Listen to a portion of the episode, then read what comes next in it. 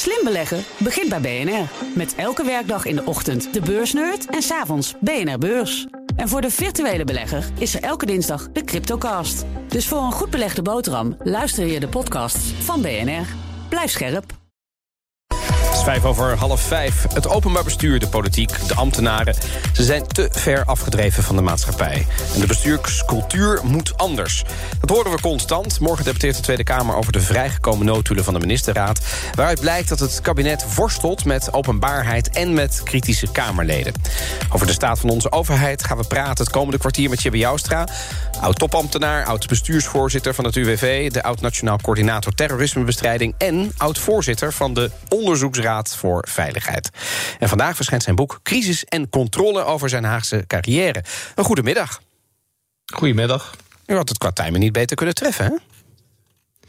Ik moet zeggen, het kabinet spant zich enorm in om mijn boek te doen landen in een, in een gunstige tijd. ja, zelfs, ja. zelfs, de boekwinkels zijn geloof ik weer open. Ik wil, ja, ik wilde net zeggen, dat is uh, aan meerdere kanten uh, een goede timing. Laten we het over die inhoud hebben. De noodhulen van de ministerraad over de toeslagenaffaire kwamen maandagavond vrij. Avond voor Koningsdag. U heeft ze ook doorgelezen. Wat vond u ervan? Ja, ik moet zeggen, het werd aangekondigd als een bijna historische gebeurtenis. Voor het eerst ooit komen, komen de noodhulen in de publiciteit. Ik heb het nadeel dat ik 10, 15 jaar alle noodhulen heb gelezen. Dus wat dat betreft. voor u was dat weinig, een ja, beetje. weinig spannend. Ja, dat neemt een deel van de spanning, moet ik zeggen, wel weg. Las u iets spannends ik, toen u ze eenmaal gelezen had? Nou, ik vond het eigenlijk een beetje tegenvallen. Uh, in, die zin, het ging over twee elementen. Het ging over een aantal Kamerleden. Een merkwaardige discussie om die in de ministerraad te voeren. Maar dat hadden we al min of meer gehoord. En ik vond het element dat, dat de willens en wetens informatie was achtergehouden... vond ik wat minder uit de verf komen. Dat ging dan hoofdzakelijk over een feitenrelaas wat niet gestuurd was... Maar ja, dat ziet de Kamer ook dat het feit en relaas niet gestuurd was. Ja. De argumentatie was een ja. merkwaardige, want het ging dan over namen van ambtenaren. Nou, dan laat je die weg. Maar ik vond het al met al eigenlijk een beetje tegenvallen gezien de verwachtingen die gewekt waren. Ja, um, als we die verwachtingen even weglaten, dan zien we daar wel iets van een bepaalde cultuur, namelijk over de politiek zelf, over de beeldvorming. Het ging niet bepaald, althans niet in die noodhulen, over de getroffen burgers bijvoorbeeld. Nee, dat klopt. Het was een, een lange discussie over hoe, hoe om te gaan met, met, met zeg maar, de politieke inkadering van het geheel. Mm -hmm. Ik neem aan dat er ook meer noodhulen nog zijn over, over de inhoudelijke gang van zaken. Maar niet erg stond er voorop dat, uh, dat er het een en het ander moest gebeuren om burgers weer aan je te binden. Om te zorgen dat die zeg maar een, een fatsoenlijk leven kunnen leiden. Nee, en, en, en dat brengt mij dan, uh, uw boek gelezen uh, hebben, de, een van de oorzaken van de huidige problemen, zegt u, daar is het efficiency denken. Dat is doorgeslagen. Dat is ergens in de jaren 80, 90 vanuit het bedrijfsleven een beetje komen overwaaien. Het moest allemaal wat efficiënter, het moest allemaal wat beter, wat meer marktdenken. Hè, zoals we daar in de markt denken. Ja, dan, dan, dat zou ook goed zijn voor het openbaar bestuur bijvoorbeeld. Dat is doorgeslagen, toch? Wat voor het openbaar bestuur van groot belang is, is dat het een, een rechtsstatelijk iets is. Hè. Het, het, openbaar bestuur moet, moet, moet het, het, vertrouwen hebben van zijn burgers. Burgers moeten erop kunnen vertrouwen dat het openbaar bestuur goed en oprecht handelt. En wat dat betreft zie, ik in de loop der tijden dat dat toch wat meer op de achtergrond uh, geraken. Rechtsstatelijk handelen is, is zelden erg efficiënt. En je ziet gewoon dat, dat eigenlijk sinds de, de begin negentiger jaren al, gaat al een hele tijd, zie je dat, dat efficiency-indicatoren uh, en, en, en dat dat soort zaken overheerst.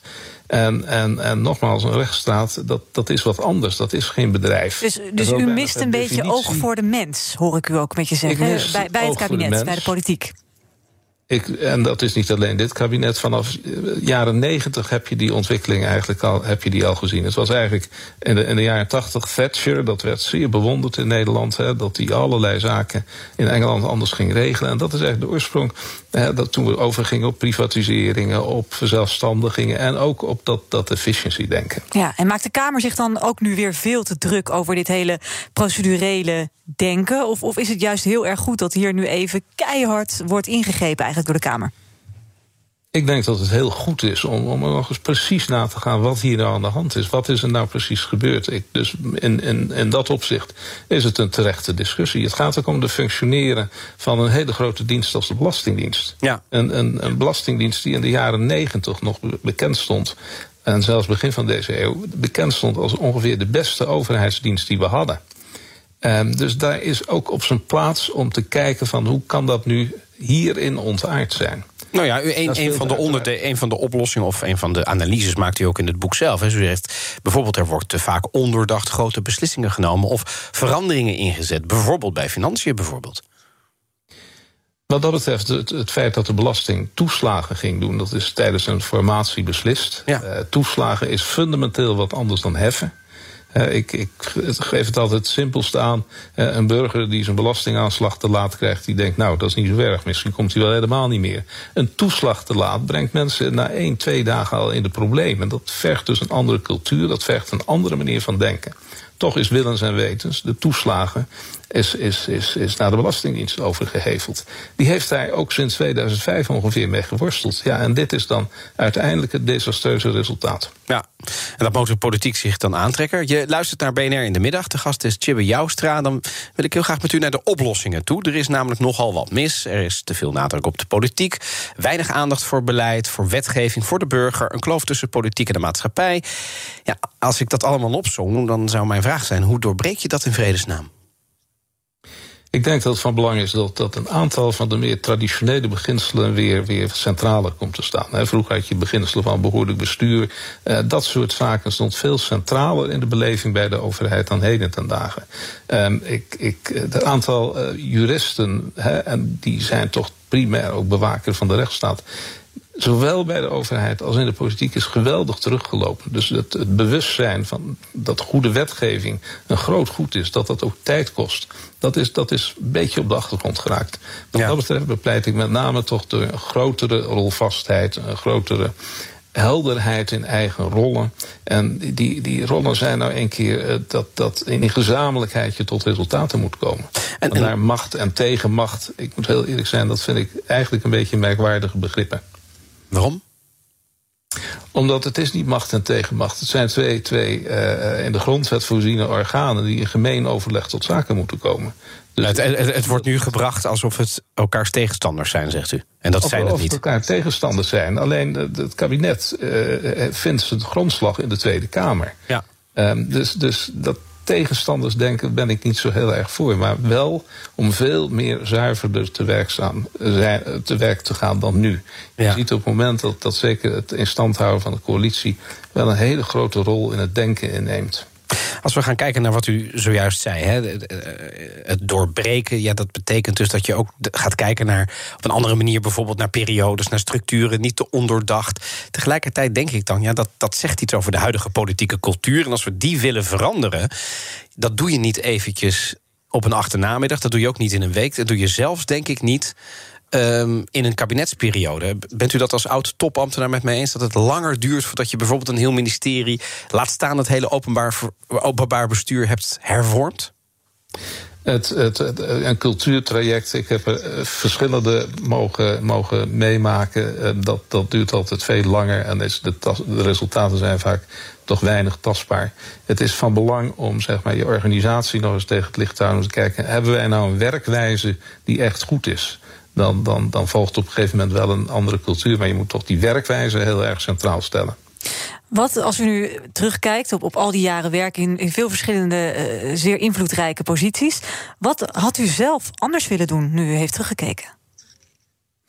Nou, er zijn, kijk, ik heb, ik heb uh, 30, 40 jaar in, in, in, in, uh, op, in allerlei functies in de top van de overheid en de publieke sector meegedraaid. Dus ik heb ook bij zeg maar, de meeste van de fenomenen die nu aan de orde zijn, daar heb ik ook bij gezeten.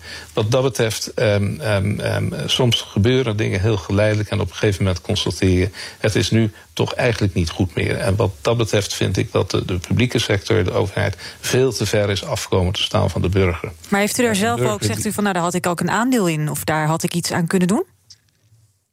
Um, ik, ik, denk dat, dat uh, ik ben ook een tijdje uh, voorzitter van het UWV geweest. Ik denk dat dat soort grote organisaties moeten toegankelijker worden voor de burger. Als je kijkt in Nederland, hebben we zeggen meestal dat, dat de, de gemeenten staan het dichtste bij de burger. Maar de organisaties waar de burger altijd mee te maken krijgt, dat zijn de Belastingdienst, de Sociale Verzekeringsbank en dat is het UWV. Mm -hmm. En juist dat zijn uh, diensten die vaak ingewikkelde regelingen uitvoeren. En dat zijn diensten die, die de burger veel centraler moeten stellen. Maar dat betekent ook dat de financiën van dat soort diensten ook toegesneden moeten zijn. Ja, maar daarmee geeft u nog geen antwoord op de vraag. Wat, wat is dan uw rol daarin? Wat had u nog echt. Wat had u willen doen? Wat had u anders willen doen?